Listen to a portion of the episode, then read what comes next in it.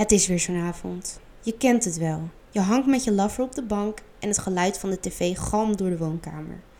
Hij is vastgekluisterd aan het beeldscherm van zijn telefoon en jij bent de draad van de film al lang kwijt.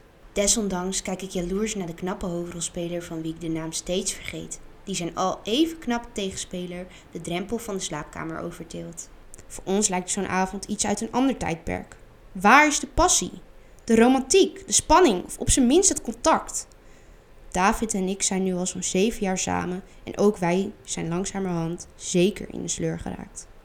Te veel werk, te veel afspraken, te veel vrienden, te veel gedoe.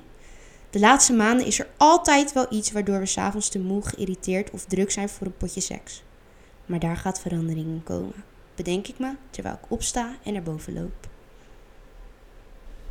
Eenmaal boven trek ik mijn gemakkelijke kloffie uit en ga op zoek naar mijn meest sexy lingerie setje dat verbazingwekkend helemaal achter in de kast ligt. Zacht, grijs satijn streelt mijn huid als ik het ondergoed aantrek.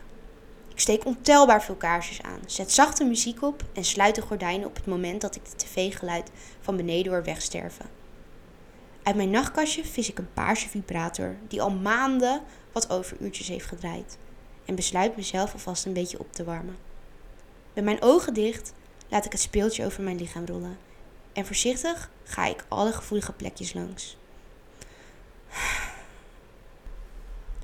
Een zucht ontsnapt over mijn lippen terwijl ik nog wat dieper in de kussens zak. De slaapkamerdeur gaat open en David komt binnen. Even blijft hij staan en kijkt enigszins verbaasd naar de kaarsen. Dan ziet hij me op bed liggen en worden zijn ogen nog groter. Ik kijk hem speels aan, van onder mijn wimpers, en verluister. Waarom kom je niet bij me liggen, schat? Ik ben al opgewarmd. Hij weet niet hoe snel hij zijn kleren uit moet trekken en duikt nog in twee tellen later naast me in bed. Ik klik de vibrator uit en sta op van het bed. David maakt vragend een geluid, maar ik leg mijn vinger tegen mijn lippen ten teken dat hij stil moet zijn. Terwijl een extra nummer aanswelt vanaf de speaker van mijn telefoon, wieg ik met mijn heup heen en weer op de maat van de muziek. Langzaam dansend betast ik mezelf en zucht opzettelijk net iets harder. Kom hier, gromt David zachtjes maar verlangend. Ik gehoorzaam en kruip als een kat het bed weer op.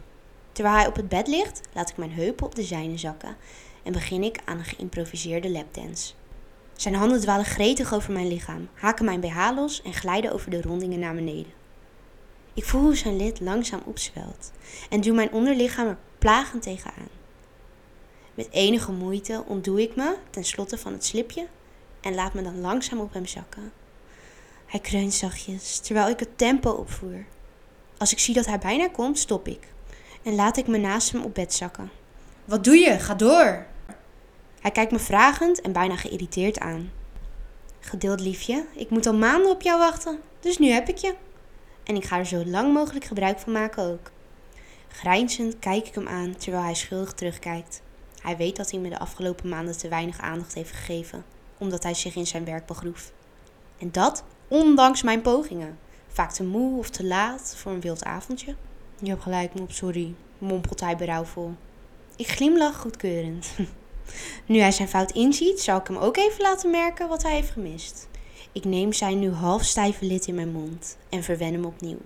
Hij vloekt zacht. Verlekkerd kijk ik naar hem op en geniet van de macht die ik over hem heb op dit moment. Na die maanden met de paarse vriend wil ik nu wel weer even genieten van het echte werk, zeg ik grijnzend. Dat laat hij zich geen twee keer zeggen. Hij komt overeind en kruipt achter me.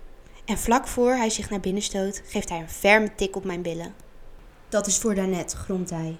Ik grijns nogmaals terwijl ik mijn handen tegen het hoofdeinde van het bed laat steunen. Niet veel later ben ik bang dat de buren ons zullen horen, maar het kan me niet schelen. Ik heb dit zo erg gemist dat voor mij part de hele straat ons mag horen.